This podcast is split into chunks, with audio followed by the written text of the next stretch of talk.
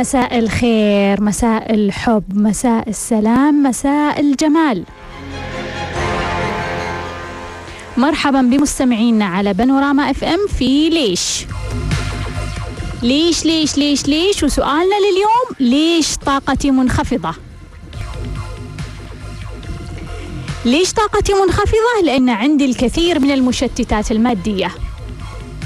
ليش طاقتي منخفضة لأن عندي الكثير من المشتتات الجسدية. ليش طاقتي منخفضة لأني متورط بالكثير من المشكلات في جسمي. ليش طاقتي منخفضة؟ لأن غذائي ذو طاقة منخفضة. لأني أعيش في بيت مليء بالطاقات القديمة والسلبية. لأني في مكان ذو طاقة منخفضة ليش طاقتي منخفضة؟ لأني أنتظر شيء منذ وقت طويل ليش طاقتي منخفضة؟ لأني دائما مع أشخاص طاقتهم منخفضة ليش طاقتي منخفضة؟ لأن هناك أجهزة إلكترونية حولي تستنزف طاقتي ليش طاقتي منخفضة؟ لأن عندي الكثير من الأفكار اللي تستنزف طاقتي. لأني أعتقد بأني ضعيف. لأني أعتقد بأن الحياة تحتاج إلى الكثير من الطاقة والجهد. لأن خيالي واسع جداً. لأني أغير أفكاري وقراراتي طوال الوقت. لأني تابع لقرارات آخرين متغيرة ومتبدلة. ليش طاقتي منخفضة؟ لأني أنتظر قرار منذ زمن طويل ليش طاقتي منخفضة؟ لأن مشاعري سلبية طوال الوقت ليش طاقتي منخفضة؟ لأن حولي أشخاص مشاعرهم سلبية لأن الخوف يمتص طاقتي لأني غاضب لأني حزين ومكتئب لأني أؤنب نفسي على كثير من الأشياء ليش طاقتي منخفضة؟ لأني متحمس وطاقتي مشتتة ليش طاقتي منخفضة؟ لأني أعمل على أهداف كثيرة وكبيرة ليش طاقتي منخفضة؟ لأني أنافس أشخاص كثر ليش طاقتي منخفضة؟ لأن رغباتي تستنزفني لأن مصادر الطاقية لديهم طاقة منخفضة ليش طاقتي منخفضة؟ لأني متعلق بأشخاص وأشياء لا أستطيع شحن طاقتي منهم ليش طاقتي منخفضة؟ لأني لا أعرف كيف أحصل على طاقة عالية ليش طاقتي منخفضة؟ لأني متورط بحدث في الطفولة يستنزف طاقتي لأني متورط بفكرة مستقبلية تستنزف طاقتي ليش طاقتي منخفضة؟ لأني عرفت معلومة أو اكتشفت حدث يستنزفني ليش طاقتي منخفضة؟ لأن روحي ما زالت تبحث عن مصدر أو محرك لطاقتي في بعض الدول تاريخ البيت اللي تبغى تشتريه مهم جدا. هل حصل قتل في البيت؟ هل حصلت جريمة؟ هل حصل طلاق؟ لأن الطاقة الموجودة في البيت هذه تأثر على القيمة المادية للبيت. فبالتالي الناس تهتم إنها تعرف لأنها تعرف إن هذا يأثر على طاقتها. وجودك مع أشخاص طاقتهم عالية ليس بالضرورة يرفع مستواك.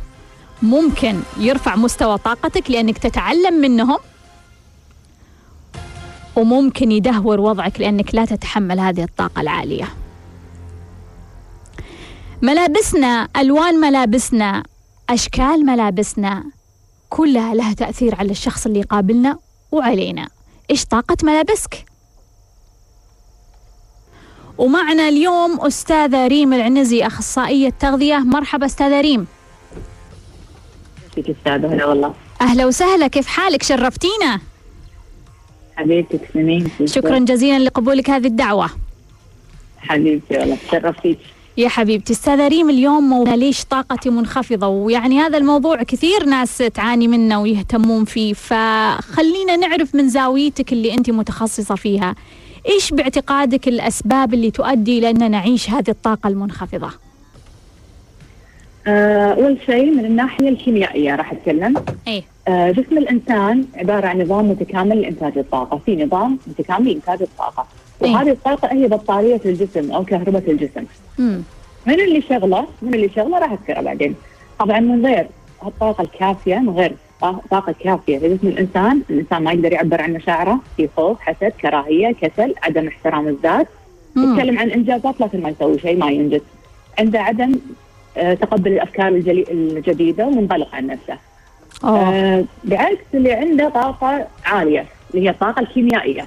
مم. طموح عنده إنتاجية إبداع يعبر عن مشاعره بطريقة واضحة متفاهم متفتح يتقبل الأفكار الجديدة يعني متطور يعني يعني بالعكس اللي عنده طاقة الطاقه غير كافية. آه جميع العمليات في جسم الإنسان تحتاج إلى طاقة اللي هي بالأساس نحصل عليها من غذائنا اليومي، غذائنا اليومي أها شنو يحتوي عليه؟ مم. يحتوي عليه غذائنا اليومي؟ مم. الفيتامينات والمعادن. إيه هذا الجهاز ال- ال- النظام المتكامل إنتاج الطاقة يحتاج معادن وفيتامينات لتحويل هذا الغذاء سوري يعني لعمل الجهاز على أكمل وجه فجميع العمليات في جسم الإنسان تحتاج إلى طاقة اللي هي بالأساس نحصل عليها على غذائنا اليومي فيتامينات أو معادن مم. لتحويل الغذاء إلى طاقة يحتاج أيضا حتى لتحويل الغ- الغذاء هذا إلى طاقة الجسم يحتاج إلى طاقة. أها. okay؟ إيه يعني قصدك يا أستاذة ريم إنه إحنا يعني الفيتامينات والمعادن هي هي الشيء الرئيسي بالنسبة لنا اللي يعطينا هذه الطاقة. بالضبط. أيوة وبناء على هذه. الفيتامينات والمعادن مشاعرنا وطاقتنا راح تكون okay ولا متلخبطة؟ طبعا طبعا هو اللي يأثر. بالضبط. إنجازك ال- الفرق بين المن اللي عنده طاقة عالية والطاقه المنخفضه إن الشخص هذا ينجز هذا يتكلم عن إنجاز ولا ينجز. أوكي؟ طبعا كل ما قلت ال- الطاقه هذه قلت الإنتاجية. إيه شنو أسباب انخفاض هذه الطاقة؟ شنو أسباب الانخفاض؟ إيه طبعا هو مو سبب واحد ما راح اذكر السبب واحد لأن هي عدة عوامل اجتمعت. نقدر نقول سوء التغذية مشاكل بالهضم السموم المنتشرة هذه طبيعي إن خلاص البيئة صارت كلها سموم. اجهاد حركي فكري بنفس الوقت مع الاجهاد الحركي والفكري اللي عنده. يتناول اغذيه تعطي طاقة مؤقته مخادعة مثل السكريات المكررة. الشاي والقهوة. هذه أشياء تعطي طاقة بنفس اللحظة لكن ما تعطيك طاقة حق المدى البعيد. بعضهم يوصل مرحلة إنه يأخذ الكحول اللجوء إلى التدخين هذه كلها أشياء تعطي طاقة لحظية بنفس الوقت إيه فالأغلب لما, يعني الأغلبية لما يدورون ورا الطاقة. يدورون على شنو طاقة بنفس اللحظة ما يفكرون حق المدى البعيد إيه أوكي والأغلب يعرف شلون يستخدم هذه الطاقة. لكن القليل يعرف كيفية إنتاج هذه الطاقة. هذه ما فهمتها شوية صعبة؟ أغلبنا نعرف نستخدمها بس ما نعرف إنتاجها؟ شلون نستخدمها شلون نستخدمها كان نستخدم يعني مثلا بالحركة بالجهد بالعمل هذا كله قاعد نستخدمها. لكن شلون قاعد تنتج هالطاقة؟ إيه وشلون نجيبها؟ شلون نجيبها؟ أيوه. إيه. من اللي يحدد مقدار هالطاقة؟ طبعا هي المعادن والفيتامينات ومواد مغذية أخرى في الجسم. الموجودة بغذائنا، غذائنا هو البنزين اللي قاعد يحرك هالطاقة هذه. إيه طبعا المواد المغذيه هذه المواد المغذية تنظم من العمليات الكيميائية والغدد الصماء اللي بدورها تساعد على الافراز ال- ال- الإفراج عن الطاقة من الطعام المتناول يوميا. okay؟ آه من الغدد الصماء اللي هي الغدة الكظريه أهم غدة للإجهاد، okay؟ من اللي يشغلها؟ الغدة الكظريه يشغلها معادن بالضبط اهم أهم غدة للإجهاد. آه فاللي يوصل مرحلة إن الطاقة المنخفضه يكون عنده إجهاد كظري. طبعا أي. ممكن أنت تستغربين لما تشوفين ما يعني ما تستغربين سوري ما تستغربين لما تشوفين شخص قليل الأكل وعنده انخفاض طاقة هذا شيء طبيعي إيه صح صح طبيعي لكن علامه بالضبط علامة الاستفهام حول الشخص اللي ياكل كميات كبيرة من الطعام مع هذا عنده انخفاض بالطاقة وهذا وش تفسيره؟ شو تفسيره؟ وين المشكلة؟ هو قاعد ياكل أكل كميات كبيرة مع هذا طول اليوم خامل كسلان مكتئب حسود وما ينجز يعني كل أنواع كل مؤشرات انخفاض الطاقة موجودة عنده مع إنه طول اليوم قاعد ياكل امم شو تتوقعين؟ ما هي يمكن هالغده هذه ولا إيش؟ لا لا ها ال- الغذاء اللي قاعد ياكله شنو؟ غلط؟ أغذية مكررة مصنعة معالجة آه مواد سامة تعرض لها طبعا آه، المواد السامة اللي قاعد اللي قاعد ياكلها من المصنعات والحلويات الملونة وهالشغلات هذه آه، تعرقل ارتفاع بعض المعادن الأساسية اللي هي تحرك هالغدد هذه الصماء في الجسم. يعني اللي يشغل نظام إنتاج الطاقة في الجسم فلا تفكر بكمية الأكل فكر بالقيمة الغذائية اللي قاعد تاكلها. إيه فهذا هذا الموضوع ان إن آكل كمية يعني الشخص بشكل عام. إذا ياكل غذاء طبيعي غير مصنع غير مكرر مثل ما الله أعطانا إياه كامل متكامل. من غير لا يكرره ولا يصنعه ولا يضيف عليه مواد مصنعه. يكفي كميات قليلة راح ياكل كميات قليلة مع وجود طاقة حركية وفكرية.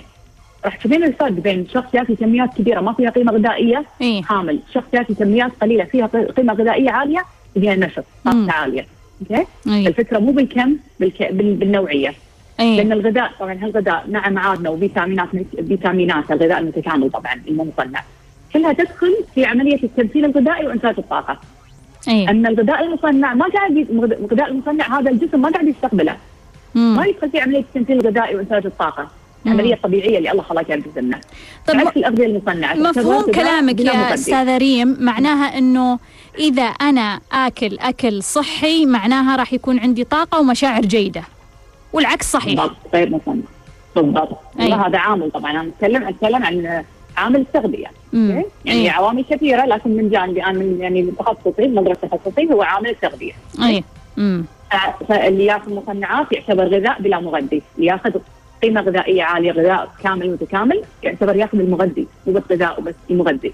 اي إيه؟ اي امم طيب طب هل ممكن ال- الطفل الطفل إيش وضع الطفل؟ هل ممكن نلقى طفل برضو عنده طاقة منخفضة أو إنه كذا يعني كسول و الطفل بشكل عام طبيعة الأطفال طبيعه الأطفال لما ينولدون عندهم طاقة عالية وينولدون مع أي سريع يعني التمثيل الغذائي عندهم سريع امم الكالسيوم يكون منخفض شوي عندهم الصوديوم والكالسيوم عالي هذه طبيعة ال- الأطفال إن لاحظي إن التدرج يعني الطفل نشاط نشاط كل ما كبر الشخص قل نشاطه شوي هذا الطبيعي okay؟ امم طبيعي إن الأطفال يكون عندهم طاقة عالية لكن بهالوقت هذا نقدر نشوف إن الأطفال بعضهم ينولدون مع انخفاض بالطاقة صح؟ صح حتى الحين طفل مكتئب طفل مكتئب يعني هذه صارت الحين بزمننا هذا اي شنو الأسباب طبعا؟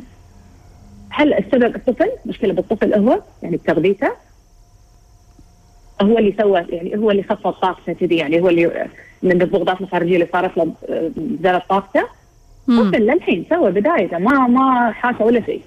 فالأسباب هي الأم في فترة الحمل وما تعرض له في فترة الحمل نفسه. أوه. فمشكله الطفل هو مشكلة الأم المشكلة الأساسية هي الأم ضبط الحمل. يعني يا استاذه ريم إذا. أمهاتنا حملوا فينا. وكان الغذاء مش جيد إحنا نعاني طول عمرنا كذا. نعم اي ممكن. هذا طبعا يعني العامل فممكن ان تعرضت لمرض وقت الحمل ممكن مشاكل نفسية أو صدمات عاطفية أو أدت طبعا انخفاض الطاقة الكيميائية. وفوق هذا تغذيتها سيئه. وين المصيبة الأعظم؟ انه انولد الطفل okay الأم كانت يعني عندها ضغوطات بهالفتره في أحيانا الواحد يعني فوق طاقة يعني أشياء فوق طاقته ما يقدر يتحملها. يعني مو بيدها صارت لها ضغوطات أو شيء فالطفل ينولد بطاقة منخفضه، شو تسوي الأم بعد؟ تزيد المشكلة شو تسوي؟ تعطيه حليب مصنع بدل ما تعطيه الحليب الطبيعي اللي الله أعطاه لنا إياه. مثل يعني يتناسب مع هذا الجسم. اي آه، يعني فرق بسيط راح أعطيك بس ملاحظة يعني مقارنة بسيطة بين حليب الأم بين الحليب البقري المصنع اللي قاعد ياخذه الطفل،. حليب الأم فيه سبع أضعاف السيلينيوم الموجود في الحليب البقري، هذه هذه ملاحظة ما تعتبر ولا شيء بالنسبة للم- للمقارنات الأخرى. اي فحليب الأم يحتوي على ستة أضعاف السيلينيوم معدن السيلينيوم عنصر السيلينيوم الموجود بالحليب البقري. إي شنو وظيفة المعدن هذا؟ امم معدن السيلينيوم له وظائف مهمة في تطوير مراكز الدماغ العليا وأيضا يحارب السموم في الجسم. الطفل لما ينولد ما عنده مثل قوه التخلص من السموم السموم حوالينا إحنا ما نقدر يعني يعني ما راح خلينا نعيش بكوكب ثاني إي يعني صح. موجودة بس شنو إحنا بيدنا نسوي؟ إن إحنا نعطي نفسنا نعطي نفسنا قوة للتخلص من السموم هذه. يعني يعني هذه مشكلة ثانية ان الطفل قاعد ياخذ حليب مصنع بدل ما ياخذ حليب الأم. فوق انه أم ما صار عندها ضغوطات خارجية بوقت الحمل أو تغذيتها كانت مزينة أكثر من عامل يعني. طيب شلون نحل الموضوع لما يكبر الشخص؟ هل في سيليوم يعني؟ هو الحين اي اي يعني أوكي بداية الطفل ينولد بطاقة منخفضه يقدر يحل هالمشكلة بانه يغير تغذيته بعد فترة حتى لو لما يكبر يبدأ يغيرها، الأم شوي تهتم بموضوع الرضاعة الطبيعية، الأغذية الطبيعية بعد السنتين مثلا تعطيه أغذية طبيعية عضوية آه، ما فيها مصنعات، يعني هذا أهم شيء مو يضل يكمل على المشكلة اللي صارت له. اي امم وممكن يتعدل ولا ولا يعني سيظل فيه جزء من المشكلة ما ممكن دام يتعدل، ممكن. إذا عرفنا إذا عرفنا قابل للتعديل. المشكلة لا تتعدل. بالضبط. طيب إحنا لو كنا الآن إحنا نعيش مثلا في ظرف صعب وطاقتي جدا منخفضة، إيش الأشياء اللي آكلها وممكن تساعدني اليوم إنها تحسن طاقتي أو أشربها؟ طبعا هو المطلوب هي طاقة بعي- بعيدة المدى مو طاقة مؤقتة. إيه. سالفه الطاقة المؤقتة هذه ما راح تفيد. هذه مثل تسكت المشكلة لكن ما تعالجها. إيه. آه لذلك أول شيء نسويه أول شيء نبتعد عن الأغذية اللي تعطي طاقة مؤقتة مثل المنبهات السكريات المكررة. لأن تناولها يعطيك طاقة مؤقته ويخليك تغض النظر عن الاغذيه اللي تعطيك طاقة حقيقية. إيه يظل إيه الواحد خلاص مدمن على شيء يسكته يسكته بس يعني يعطي طاقة مؤقتة. آه أكثر اغذيه تعطي طاقة هي اغذيه البوتاسيوم والصوديوم لأنها تحرك نشاط الغدة الكظريه مع الاجهاد والضغوطات الخارجية الغدة الكظريه تظل تظل مثل مستهلكة. البوتاسيوم يحرك والصوديوم اغذيه البوتاسيوم والصوديوم مصادرها. إيه. مصادرها اللي هي البطاط القرع التمر. بدل ما تاخذ يعني عندك ضغوطات بدل ما تاخذ قهوة أخذ تمر يعطيك الطاقة الأساسية حق المدى البعيد مو حق اللحم. إيه. آه بشكل عام تناول أغذية كاملة غير مكررة غير مصنعة. وطبعا يمكن الاعتماد على مصادر الصوديوم والبوتاسيوم والفسفور أيضا لأن هذا الفسفور مهم عنده وظيفة في آه يدخل في التمثيل الغذائي للكربوهيدرات والبروتينات والدهون وهذه هي اللي تنتج الطاقة. إيه. يعني بشكل عام يعني ما أقدر أقول لك غذاء معين راح أقول لك ابتعدي عن المصنع تناولي اغذيه طبيعية مثل ما الله أعطانا إياها أو نوعية المصادر. طب هل صحيح استاذه ريم كثير يقولون إنه الكرب لما يدخل يعني يسوي طاقة ولا هذه خدعة يعني برضه يعني أي كارب مثلا إذا نعطيك مثلا آه كربوهيدرات مكررة هني تعطيك طاقة بنفس اللحظة لكن مو طاقة حق المدى البعيد. آه اخذي كربوهيدرات الكاملة مثلا بدل الرز الأبيض أخذي رز أسمر يعطيك طاقة على المدى البعيد مو نفس اللحظة. إيه إيه فهمتك آه سكريات مثلا مكررة نفس الشيء إيه يعني الفكرة إن أخذ شيء كامل مو شيء مصنع مكرر يعطيك طاقة بنفس اللحظة، إحنا مم. ما نبي نفس اللحظة، نبي حق المدى البعيد، إحنا ما ندري شنو بعد فترة تصير لنا ضغوطات غصبا عنا صحيح. تستهلك ال- ال- الصوديوم والبوتاسيوم والغدة الكظريه. إحنا كنا نتناقش عن الأكل اللي ممكن يورطنا لما نكون طاقتنا منخفضة أو يلجؤون كثير من الناس زي ما قلتي للسكريات والقهوة والشاي ال- يعني المنبهات السريعة منبهات.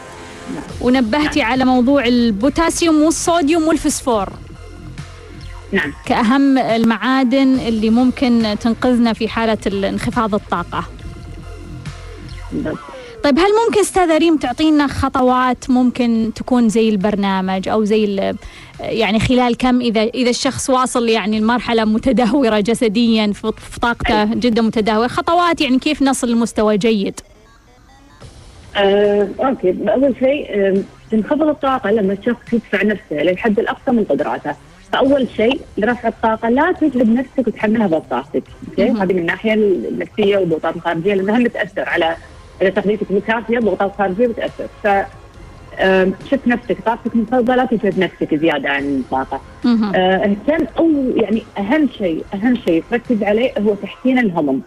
لأن الهضم هو البوابه بوابة إنتاج الطاقة الكيميائية هو هضم سليم. وكيف يتحسن الهضم؟ الطاقة هذه. الهضم طبعا يدخل إن دخلت السموم أغذية مصنعة أغذية أكثر من عوامل تؤدي إلى مشاكل بالهضم لكن في طريقة راح أعلمكم عليها الحين شلون نعالج مشكله الهضم. إي. طبعا في مقوله علماء التغذيه يقولون you are what you eat أنت ما تأكل. صح. هذا كلام ينقال قبل الحين تغير. أنت تغير. ما تهضم. لأن صارت تغير الحين. فأنت ما تهضم مو أنت ما تأكل لأن اللي. قاعد تاكله أنت تاكل بس في مشكلة بالهضم صارت عندك ما تقدر تستفيد من اللي قاعد تاكله أوه. الحين أنت ما تهضم عدل هضمك أول شيء الجهاز الهضمي هو أهم شيء لأن قاعد تاكل اغذيه هي اللي هي يعني الجهاز الهضمي هو اللي يستقبل عشان ينتج الطاقة الكيميائية للجسم. آه، تجنب المصنعات والأغذية المعالجه والمكرره واستبدلها باغذيه كاملة طبيعية. مم. ترتيب الوجبة مهم لأن الأغلب الحين صار عندهم مشاكل هضم بسبب وجود المصنعات والاغذيه المكررة. فترتيب وجبة الأكل من السهل إلى الأصعب لتحسين الهضم. يعني مثلا عندك وجبة فيها فاكهة سلطه نشويات وبروتين ترتبها من الأسهل إلى الأصعب. تأخذ أول شيء الفاكهة سكريات تعطيك طاقة بعد نص ساعة السلطة والسلطة خضروات فيها ملح البحر آه، خل التفاح مثلا زيت الزيتون هذه كلها أشياء تعدل الهضم خصوصا الخل والملح لأنه ينتج ال hydrochloric acid للمعدة اللي يساعد على هضم البروتين والكربوهيدرات okay. فمهم ان نحسن الاجتيال أول شيء. مم. بعدها تأخذ النشويات خلص منها تأخذ البروتينات. هني التدرج هذا من الأسهل إلى الأصعب راح يحسن هذا البروتين. من البروتين طبعا أصعب شيء فالتركيبة هذه مهمة لتحسين الهضم. إي. امم الأساس ان نركز على تحسين الجهاز الهضمي. إي إي. ممتاز والله هذا الكلام يعني يعني نبدأ بالفاكهة إحنا عادة نختم بالفاكهة. أيوه هذا الغلط. طيب من الأسهل إلى الأصعب. فاكهة بعدين السلطة والخضار بعدين النشويات بعدين البروتينات. بالضبط. والله أنا شاكرة ومقدرة لك يا أستاذة ريم يعني هذه معلومات جدا قيمة لو الواحد يركز عليها فعلا راح يحسن الهضم. طيب عندي ناس يسألون يقولون كيف نوصل لك حساباتك في السوشيال ميديا أو كيف نوصل لك؟ أي اللي عندي السناب الانستغرام وتويتر ريمينرالز ار دبل اي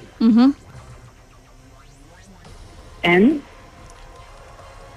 ار دبل اي ار دبل اي أيوه. ام اي ام اي ان اي ان اي R A R A L S طيب لو نكتب بس على جوجل ريم العنزي نلقاك؟ إيه بالإنجليزي العنزي إيه طيب في مدونة ممتاز. بعد حاطة فيها كل المعلومات في الإنستغرام. في مدونة. نعم. ممتاز والله. أنا شاكرة ومقدرة لك وقتك. شكرا جزيلا على المعلومات القيمة اللي أعطيتينا إياها اليوم. أستاذة ريم عنزي أخصائية تغذية. شكرا جزيلا. حبيبتي تشرفت فيك حبيبتي الله يحفظك. إلى اللقاء. كانت معي أستاذة ريم العنزي أخصائية تغذية. بصراحة طلعت منها بيعني معلومات قيمة عن موضوع الطاقة. تقول لك إذا أنت يعني طاقتك الآن متدهورة بوتاسيوم صوديوم فوسفور يا جماعة. ركزوا عليها. وتقول لك أنت ما تهضم. تغيرت قصة أنت ما تأكل. أنت ما تهضم لأنه مو كل شيء أنت تاكله هو بينهضم أصلا. تبدأ بالفاكهة بعدين الخضار بعدين النشويات بعدين البروتينات. لا تس... لا تنسون هذا الجدول. تبدأ بالفاكهة بعدين الخضار بعدين النشويات بعدين البروتينات. هذا هو الأصح عشان تحافظ على طاقتك. وخلونا ناخذ اتصال. مرحبا. مرحبا. ألو السلام عليكم. وعليكم السلام. أهلا وسهلا. من معاي؟ معك إلهام. أهلا وسهلا. إلهام حبيبتي تفضلي. تذكريني صح؟ أكيد تذكريني. إلهام؟ في إلهام كثير. أي واحدة فيهم انت اللي كلمتك عن مشواري في الحزن وقبضتي الكبيرة في الشجاعة. يا حبيبتي. أيوه أذكرك. شرفتيني. حبيبة قلبي قولي لي. آه دكتورة في عندي تعلمتي الفرح؟ آه إيه تعلمتها. امم آه، اليوم دكتورة كلمتك في عندي مشكلة صغيرة وحابة أستشيرك فيها. سمي سمي يا إلهام آه، دكتورة أنا زوجة ثالثة مم. وزوجي يكبرني بخمسة وعشرين سنة. مم. أه لما كان أه وعي منخفض كان في بيننا مشاكل كثيرة وكذا بس بعدين لما طورت من نفسي ومن وعي يعني أصبحت حياتنا أكثر هدوءا وأكثر يعني حبا. مم. بس فكرت كثير بالطلاق لأسباب خاصة. مم. آه، بعدين سمعتك تقولي إن الزوج هو انعكاسك وكذا فقلت خليني أطور هذا الجانب أيضا. امم فأخذت عندكم استشارة مع الدكتورة سمية ظفر. امم استشارة أسرية و coaching life امم تحسنت الحمد لله حياتي أكثر وأكثر. امم بس دكتورة ما أدري ما زلت أرغب في الطلاق. ما أدري أحس هذا طلب روحي ما أدري. أقول لك يا إلهام. دكتورة بس سؤال آخر لو سمحتي. سمي. هل كارمات الزوجات تؤثر علي سواء كارمتهم الإيجابية أو السلبية؟ أقول لك. شكرا جزيلا حبيبتي شرفتيني إلهام. يا حبيبة قلبي الله يحفظك. مع السلامة. شكرا جزيلا. وناخذ اتصال. مرحبا. مرحبا. مرحبا معك أهل. ندى. أهلا وسهلا يا ندى حبيبتي. حبيبة قلبي آه ندى شرفتيني. الله يسعدك. عندي سؤال كيف أعرف نجمتي وألمعها طيب أقول لك يا ندى. أنا أنا ما أعرف الأشياء اللي أحبها. لما أجيب ورقة وأكتب الأشياء اللي أحبها أحس إني في عوائق يعني ما أقدر أطبقها. ما تقدرين تطبقينها. أيوه في عوائق. حتى إيه؟ التخصص اللي كنت أحلم فيه يعني ما دخلته لأنه في كان في مليان مليان عوائق. كل الأشياء اللي تحبينها فيها عوائق. يعني ما أقدر أطبقها بسهولة أو أجربها حتى يعني. طيب أقول لك يا ندى. حاليا حاليا ما عندي ولا أي فرصة غير إني أتابع الحلقات التطوير وأحاول يعني أطور من نفسي. أقول لك يا ندى حبيبتي شكرا دكتورة شرفتيني شكرا. أهلا وسهلا. وناخذ اتصال مرحبا. مرحبا. السلام عليكم. وعليكم السلام. أهلا وسهلا من معاي؟ هلا دكتورة معك أروى كيف حالك؟ أهلا وسهلا حبيبتي اروى شرفتيني. الشرف لي دك دكتورة أنا كلمتك قبل فترة وأفتكر قلت لك إني أحس نفسي إني مقيدة في اي المدينة اللي أنا فيها وقلتي لي غيري وجهتك يعني نظرتك إيه. للمدينة اللي أنت فيها. مم، كان عندك ف- business؟ أيوه. امم ذكرتك فحابة أشترك كل شكر دكتورة. يعني نبهتيني لحاجة ما كنت أنا يعني كان من جد يعني حاطة في بالي إن المشكلة من المدينة مش المشكلة مني. إيه. فأحس إن يوم ما غيرت نظرتي لهذا الشيء آفاق كثيرة انفتحت لي أشياء كثيرة صارت تظهر لي كذا يعني wow، برافو. ما كانت في بالي.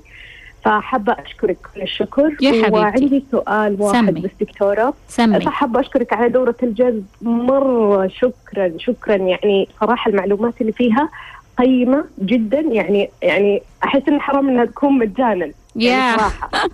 شكرا. الله يبارك. يا رب. يا رب. أل- ألف شكر على قاعدة حبيبتي. تساعدين الناس وتعطينهم الوعي الكافي إنهم عشان يقدرون يتجاوزون الأشياء اللي هم فيها. يا حبيبتي. سمي أنزين. آه دكتورة بس أنا عندي سؤال. أنا الآن في مرحلة الشجاعة في سلم هاوكنز. كيف ممكن أنتقل للمرحلة اللي بعدها؟ تعبت. تعبت وأنا أجري وراكب ورا كل شيء. كذا صدق ما عندي وقت. أحس إن من جد ما عندي وقت. طيب. فكيف ممكن أساعد نفسي إني أنتقل للمرحلة اللي بعدها؟ أعطيك. أقول لك. شك... حبيبتي دكتورة. شرفتيني. أهلا وسهلا. وناخذ اتصال. مرحبا. مرحبا. وناخذ اتصال. ألو؟ أهلا وسهلا. مين معاي؟ مرحبا. ألو؟ دكتورة مية إيه معاك. مين معاي؟ أنا على الهواء؟ إيه على الهوا حبيبتي. مين معاي؟ آه، معك مها. ما حبيبتي اسمعيني من التليفون. أوكي. دكتورة أم، أنا متلخبطة أنا صار لي كم يوم أضرب أدق عليك ما يمسك معي الخط فما صدقت. يا حبيبتي شرفتيني يا مها. الله يسلمك يا رب. سمي. آه محتاجة لك كثير أحكي معك. يا حبيلك يلا تفضلي. استغلي الوقت. لا بختصر الموضوع. آه أنا بنتي الله يرحمها كانت هي اللي عرفتني عليك هي اللي كانت تتابعك حتى حضرنا معك آه، دورة الثراء أتذكر لما كنت برا برا. آه، فهي كانت كثير بتحب. يعني دائما تتابعك. توفت بنتي الله يرحمها من سنتين. طبعا هذا الموضوع كسر فيني أشياء كثيرة. امم آه، الموضوع الثاني إنه ولدي يبغى أبغى أزوجه. ولدي الحين يتخرج لحظة مهندس. مها مها حبيبة قلبي. ما ما فهمت بنتك الآن تقولي إنها توفت؟ إيه، توفتها. الله يغفر لها ويرحمها. طيب في سؤال عليها قصدك ولا؟ آه، إنه هي مأثر الحين على وضعنا عرفت كيف؟ أنا الحين ولدي متخرج. آه، وابي اتزوج آه، أقول اتزوج قال لي إذا لقيتني بنت زي أختي الله يرحمها بس في أخلاقياتها في جمالها في شعرها وقاعد قال ما في بنتي كانت هذيك حوريه من السماء وراحت أنا عارفة.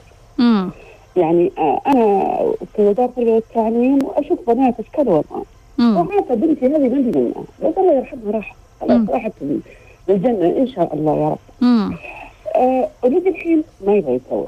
إذا لقيت يا ماما واحدة زي أختي مواصفاتها أنا أوافق. الحين ماشي. قلت طب ما لقيت طب تنازع انت بمواصفاتك ما- ابدا يبغى زي اخته ما يجيب لي زي اخته امم امم فهذا ال- كم صار لها متوفية الله يرحمها؟ سنتين. سنتين. طيب. حبيبتي مها الله يغفر لها ويرحمها أقول لك. آه. شكرا جزيلا. مرحبا ناخذ اتصال.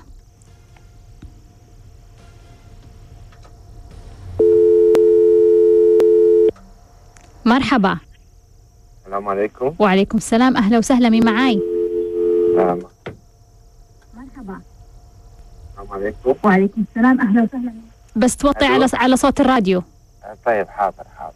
إيه والله يا دكتورة أنا من المتابعين حق برنامج والحقيقة برنامج حلو وأنا للأمانة استفدت. الله يحييك بس تعرفني على اسمك. قلت لك عبد الرحمن زين عبد الرحمن تشرفنا يا عبد الرحمن. الله سم تفضل. آه أنا من المتابعين حقين برنامجك. إيه. واستفدت من برنامجك واستفدت الحمد من لله. خلال- من خلال المتصلين والأخوات والأخوان. إيه. ولكن عندي سؤال بسيط. أنا أنا أشعر أحيانا ان فيني طاقة وفيني إيجابية كبيرة وكذا وأحب أعمل اشياء كثيرة. أنا طبعا من هواياتي الطبخ وما الطبخ وكذا وما وما شابه ذلك. إيه. ولكن بعض الشغلات إني أنا أحاول إني أسويها ولكن تجيني أفكار عليها. ولما يجي وقتها وأزم على الحاجة أحس في كسل وأحس في خمول. ما أدري ليش. قصدك تسوي خطة بعدين لما تجي تطبق ما يكون عندك ال- الحماس الكافي. بالفعل هذا. إيه. ما أدري يعني أحس في يجيني زي الخمول يجيني زي الكسل. مم. فأعجله إلى بكرة وبعده وبعده ويقعد شهر أسبوعين ثلاثة. مم. أي عمل يعني سواء منزلي أو خارجي. إيه. طيب أقول لك يا عبد. يعني. أقول لك. شرفتني. ألف عافية وأنا صراحة أهنيك على شكرا جزيلا. يعطيك الحلو. العافية عبد الرحمن. شرفتني. كلك طاقة إيجابية ما شاء الله الله. يحفظك. الله يوفقك. شكرا جزيلا. وناخذ اتصال. مرحبا. ألو. مرحبا. أهلا دكتورة. أهلا وسهلا مين معاي؟ معك فاطمة. أهلا وسهلا يا فاطمة. طبعا أنا يعني أعتبر مو ضيفة في البرنامج من كثر ما يا حبيبتي أنت تجينا هنا الاستديو حبيبة قلبي آه. فاطمة شرفتيني. الله يسعدك. ح- دكتورة سمية أنا من يوم ما كلمتك. وبعدها صايرة البرامج اللي أنت ال- الأفكار اللي تجيبينها إنه ليش طاقتي منخفضة؟ ليش أحس بالكسل؟ يعني حتى الناس اللي يسألونك أحس إنهم يجاوبون على الأسئلة اللي تكون أنا موجودة فيني. مم. بس أنا عندي سؤال برا الحلقة اللي هو عن العمق. يعني زي دورة الوعي الطفولي. أنت تقولين أنه أول شيء دوروا المشكلة. مم. إيش المشكلة؟ بعدين تعمقوا فيها. أنا أوكي عندي مثلا مشكلة التعلق السلبي. أنت قد تكلمتي عنها بحرف الطاء. مم. اللي لما يكون عندك تعلق آه، سلبي إيش تسوين؟ تشوهين الصورة وترجعين للجذر الطفولي. صح. أنا حاولت إني أرجع للجذر الطفولي بس ما أدري هل هذه الفكرة هي صحيح ولا شيء أنا مثلا كان بمخي ولا فكرة أخذتها من برا. طيب أقول لك. آه يعني زي مثلا عندي فكرة الزواج. أنا واحدة من البنات تقول لي أنت فكرة الزواج بس متعلقة فيها كفكرة. مم. وواحدة ثانية تقول لي لا هي عندك مشكلة مع, مع الرجال أو عندك مشكلة في العمق بس أنا ماني قادرة أوصل للجذر إنه ليش أنا متشبثة بهذه الفكرة مم. يعني أحيانا يجيني تشبث وأحيانا إن أقول لا خليها هي تصير كذا متى ما جاء الزواج جاء. كذا يعني مم. فبس فهل يجيك حوي حيرة أني أحلها ولا ما أحلها؟ اي يجيني مم. يجيني كذا أقعد أفكر إنه إيش المشكلة آه وين الجذر المشكلة في الزواج؟ وين مدري إيش؟ ليه مو قادرة؟ أحيانا أقول إن خليها تجي to go with the flow انها تجي من نفسها. وأحيانا أقول لا أنا لازم أشتغل عشان يجيني أجذب صح عشان يجيني شيء صح. زي كذا. طيب أقول لك يا فاطمة. أوكي حبيبتي شرفتيني. يا جماعة سبق شفتوا أو لاحظتوا أنه غالبا المستشفيات تستخدم اللون الأزرق أو لون أزرق شوية على خضار؟ أكيد الموضوع فيه سر ها؟ ولا عادي بالنسبة لك هذا شيء ما في ما في أي سر. هم كذا عشوائيا اختاروا الموضوع. الألوان قاعدة تأثر علينا طوال الوقت. لاحظ يوم من الأيام تصحى وتختار ملابسك. إيش تختار؟ أي لون. إذا كان مزاجك جيد أي لون تختار. وإذا كان مزاجك سيء أي لون تختار. وإذا كنت فرحان ومبسوط ومغرد أي لون تختار. هل مرة شفت وحدة يعني مرات أشوف بعض بعض البنات حاطة كل الألوان مع بعض. كذا صورة واحدة كل الألوان مع بعض. والشعر يعني شكل وموديل يعني عظيم يعني متداخلة أشياء مع بعض. وبعدين مجوهرات يعني أشياء كذا مع بعض. تدخلك في حالة إرباك تربك طاقتك يعني بهذا الشكل.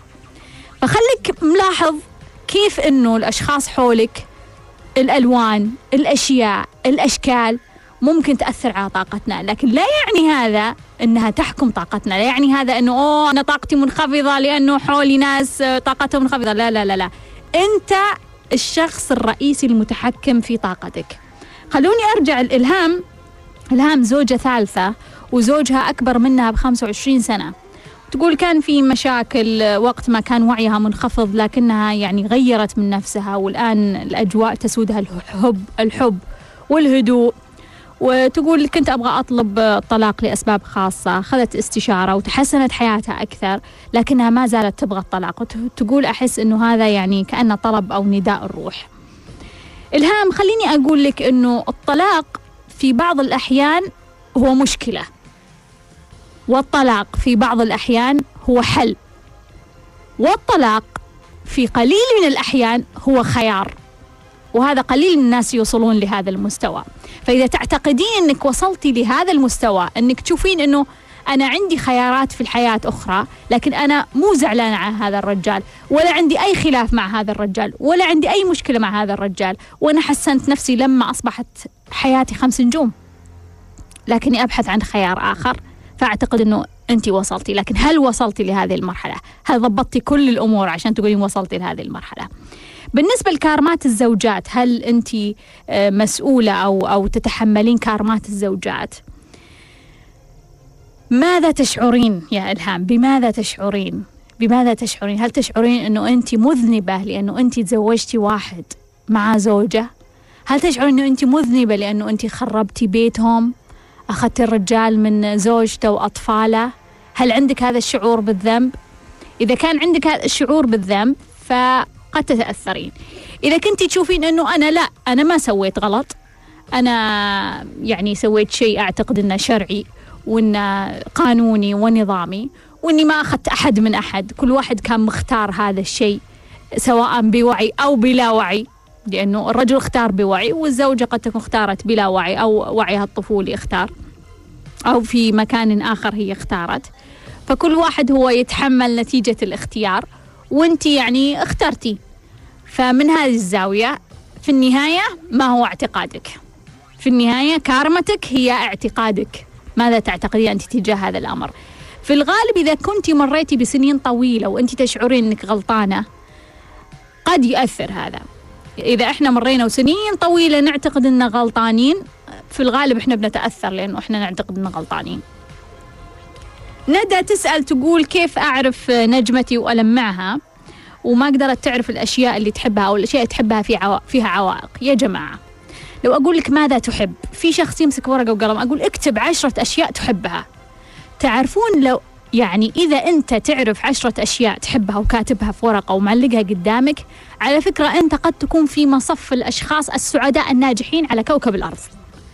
الموضوع سخيف صحيح الموضوع تافه لكن أحب أقول لك أنه أغلب الناس ما تعرف وش تحب ولا هي مركزة ولا قدامها الأشياء اللي تحبها ولما تكون في أزمة ما تعرف أصلا وش تسوي. فأرجوك هذا تمرين بسيط لكل شخص يسمعني. اكتب عشرة أشياء أنت تحبها في ورقة وعلق الورقة قدامك أو خلها في جيبك طوال الوقت.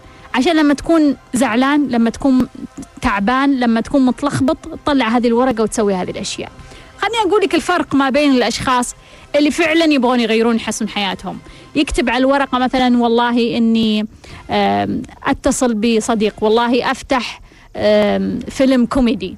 في واحد ثاني يقولك إني أنا أروح على ال first class لسويسرا وأقعد هناك خمس سنوات ويجيني راتب كل شهر مليون و... okay. يعني تحس إنه إنه يعني عقد الحياة على كل الأصعدة. إنه أنا ما راح أكون مبسوط في هذه الحياة إلا لما تصير لي هذه الأشياء وما ندري هي بتصير ولا لا. متخيلون متخيلين كيف إنه ممكن الناس يعقدون حياتهم. فأنا أبغى أقول لك يا ندى إنه الحياة أبسط بكثير من الأشياء اللي أنت تحبينها ما تقدرين توصلينها. إنه في أشياء كثير وأنا متأكدة من كلامي. هذا الكلام مش توقع أنا متأكدة من كلامي. يعني في يوم من الأيام كنت مكانك وكان مقفل علي في صندوق داخل صندوق داخل صندوق. ومع ذلك كنت عايشة سعيدة. مع اني عارفة اني في صندوق بس عايشة سعيدة لأن في أشياء بسيطة في النهاية أقدر أسويها. إحنا يا جماعة ترى بسيطين. العقل اللاواعي الطفل اللي جواتنا جدا بسيط. تعطيه أي شيء ينبسط بس إحنا عقدنا الموضوع بعقلنا الواعي. أوه لازم فلوس لازم أسافر لازم أروح آخر الدنيا لازم يصير عندي المبلغ الفلاني. لا مو مو صحيح. مو صحيح إحنا مشاعرنا أبسط من كذا. إحنا ننبسط على أبسط الأشياء. بس انت لا تخربط حياتك لا تخربط تركيبتك لا لا تخربط برمجتك وتدخل في برمجات معقدة أكثر. ندى أنا أكد لك إنه في أشياء بسيطة أنت تقدرين تسوينها وتكوني مبسوطة فيها. ندى أبغى أقول لك شيء. أنت ناقصة كثير من التجارب. أنت ناقصة لكثير من التجارب في حياتك. تجارب صغيرة أو كبيرة. يعني أعرف إنك الآن بتقولين أنا مسكر علي أنا وشلون أسافر؟ اي ما عندي تجربة سفر شلون أسافر؟ مو لازم تسافرين. وشلون أتوظف؟ ما جتني وظف مو لازم تتوظفين. طيب طيب خليني أسألك هل ممكن تخيطين في البيت؟ هل خيطتي؟ هل ممكن ترسمين في البيت؟ هل رسمتي؟ هل ممكن تطبخين؟ هل طبختي؟ هل ممكن تصبغين جدار غرفتك؟ هل صبغتي جدار غرفتك؟ في تجارب كثيرة إحنا نقدر نسويها بدون ما نطلع من الصندوق. في نفس الصندوق اللي إحنا زعلانين منه. بس هذا خيارك يا ندى إنك انت توجدين هذه الأشياء. أروى تقول إنها هي حضرت آه، دورة قانون الجذب وهي موجودة الآن عندنا على الموقع دورة مجانية بإمكانك حضورها من أي مكان في العالم فقط عبر ال- ال- جوالك أو عبر ال- الآيباد بكل سهولة تسجل وتحضر مجانا من موقعنا سمية 369 أنا مبسوطة يا أروى إني سمعت هذه الأخبار وإنه استفدت كثير من هذا ال- الكورس هو يتكلم عن الجذب وكيف إحنا في كثير من الأحيان أو في كثير من الأشخاص فاهمين الجذب بطريقة خطأ. أتمنى أنه تكون هذه الدورة مباركة وكل شخص يسمعها يحصل على الفائدة منها. تقول أروى أنها هي في مرحلة الشجاعة. تقول تعبت وأنا أركض. تعبت وأنا أركض. اللي ما يعرف مرحلة الشجاعة يقدر يدخل على اليوتيوب يكتب بس سلم هاوكنز سمية ناصر ويقرأ أو يسمع مراحل آه، سلم هاوكنز كيف شرحناها. تقول أنا في مرحلة الشجاعة وتعبت وأنا أركض. أعرف يا أروى. أعرف والله أعرف لأني مريت فيها وتعبت ومرضت ودخلت مستشفيات من كثر ما أنا أركض وأحقق أهدافي وحققت كثير من أهدافي بعمر صغير لأني أركض لأني في مرحلة الشجاعة أركض أركض. شوفي يا أروى أبغى أعطيك بعض ال- ال- النصائح بس خليك مركزة معي أول شيء التنفس. التنفس يا جماعة كيف تتنفس صح؟ كيف تتنفس صح؟ قد يسمعني بعضكم يقول "أوه، موضوع التنفس. آه، إحنا نتنفس طول الوقت. لا إحنا نتنفس طول الوقت غلط. إحنا نتنفس طول الوقت غلط أحب أبشرك. ولأن نتنفس غلط فطاقتنا منخفضة ومشاعرنا متلخبطة وكثير أشياء عندنا متلخبطة عشان تنفسنا غلط. الآن أنت عندك الخيار يا اروى إنك تضبطين تنفسك. أوعدك إنه التنفس راح يساعدك كثير. الشيء الثاني التأمل ببرمجة الاسترخاء. شوف التأمل عنده أهداف كثيرة لكن أحد أبرز أهداف التأمل اللي قد ما يستفيد منه كثير من الأشخاص اللي مرحله الشجاعه اللي هو موضوع التأمل لأجل الاسترخاء. لاني أنا أبرمج وعيي على حالة الاسترخاء فأنت تتأملين بطرق الاسترخاء. أيضا عندك شيء مهم جدا يا أروى قللي من قيمة الهدف. يعني خلينا نقول أنت عندك عشرة أهداف لهذه السنة طلعي الهدف الذهبي. أو ثلاثة أهداف ذهبية واشتغلي عليها وبقية الأهداف قللي من قيمتها. يعني شوفي أرجع وأقول إحنا الطفل اللي جواتنا العقل اللاواعي اللي جواتنا ما هم أهداف ولا هم الوعي هو اللي مشغول بهذه الأشياء. وفي نفس الوقت الطفل أو العقل اللاواعي بكل بساطة إحنا نقدر نعطيه خبر إنه هذا الشيء مش مهم. فبالتالي شوهي هذه الأهداف شوية يا أروى. شوهيها إيه. إيه يحتاج لها جرأة ويحتاج لها شجاعة وانت وأنت قادرة. على شوهي هذه الأهداف. الثلاثة الأولى الذهبية حافظي عليها. قويها اشتغلي عليها. بعد الثلاثة أهداف شوهيها. شوهيها. خلي اللاوعي وال- وال- والطفل يقول لك خلاص استوب أيضا اروى أرجوك. أرجوك. أبغاك تسوين قائمة مكافآت بدون هدف. مكافأة بلا سبب. صعبة. أعرف. حاولي. اجتهدي. أكافئ نفسي لي ولا شيء. بس أنا أكافئ نفسي. الكلام مو للجميع لأنه في مجموعة كبيرة يحتاجون مكافأة لما يسوون شيء. في كثير أشخاص أقل من مستوى الشجاعة هم لازم يضبطون موضوع المكافأة بناء على العمل. بناء على أنا سويت اتكافئ لكن أروى لا. أروى هي تعمل حتى بدون مكافأة. هذه المشكلة. فإحنا نحتاج نكافئها بدون عمل حتى عقلها اللاواعي وطفلها يعرف إنه هي ممكن تستحق حياة مريحة وجيدة بدون هذا العمل بدون هذا الجهد. فأروى أرجوك سوي لك جدول أعطي نفسك مكافآت بدون عمل. يعني جت النتيجة بدون العمل. أيضا أرفعي من قيمة الراحة. وهذا بطريقة إنه الهدف ال- الواحد ممكن يقابله أحيانا عندك يقابله مثلا آه، ساعة راحة. لا أعطي عشر ساعات راحة لكل هدف وهكذا. عندك الآن خمس خطوات اشتغلي عليهم يا أروى. مها تقول إنه بنتها الله يغفر لها ويرحمها آه، من سنتين توفت وتقول إنه الآن ولدها متخرج وتقول له تزوج يقول إذا حصلتي واحدة مثل أختي يعني أوافق أو أقبل بالزواج فهو ما يبغى يتزوج. وتقول أنا ما لقيت لأني أعرف إن بنتي يعني ما في مثلها. الله يغفر لها ويرحمها. مها أحب أقول لك آه، ولدك ما يبغى يتزوج. ما يبغى يتزوج يعني. نفترض أن أختك موجودة بيقول آه، أوجدوا لي واحدة مثل أختي. آه، ولدك ما يبغى يتزوج يعني. لا لا تعقدين الموضوع ولا تفهمين الموضوع بطريقة خطأ. هو ما يبغى يتزوج. إلى الآن ما حب إلى الآن ما انفتح قلبه لأي علاقة. ليش انت ضاغطة على الموضوع؟ أعطيه حريته أعطيه مساحته. هو هو يبغى يعيش الآن بدون زواج. أعطيه وقته. هو ما يحس إنه محتاج الزواج. متى ما احتاج صدقيني بيجيك. بيجي بيجيك وبتكون البنت ما هي زي آه، زي بنتك أقل بكثير من بنتك وبينبسط وبيتزوج وبيعيش حياته فلا تضغطين عليه. عبد الرحمن يقول أحس إنه فيني طاقة إيجابية. طب جيد كويس وعندي هوايات مثل الطبخ وتجيني أفكار إني أنا أسوي هذه الأشياء. بعدين يجيني خمول وكسل وأقول بكرة وبعد وبعد وتمضي الأيام وهو ما سوى هذه الأشياء.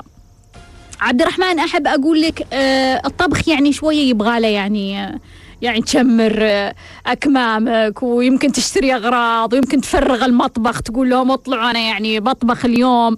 يعني أرجوك ليش ما تخلي الموضوع أبسط؟ طلع لنا أشياء أنت تحبها وهي بسيطة. اكتبها على ورقة. اكتبها على ورقة. أشياء أنت تحبها وهي بسيطة. بسيطة جدا يعني ما تكون معقدة. ليش؟ جرب نفسك من الأسهل للأصعب. شوي شوية كبر الموضوع.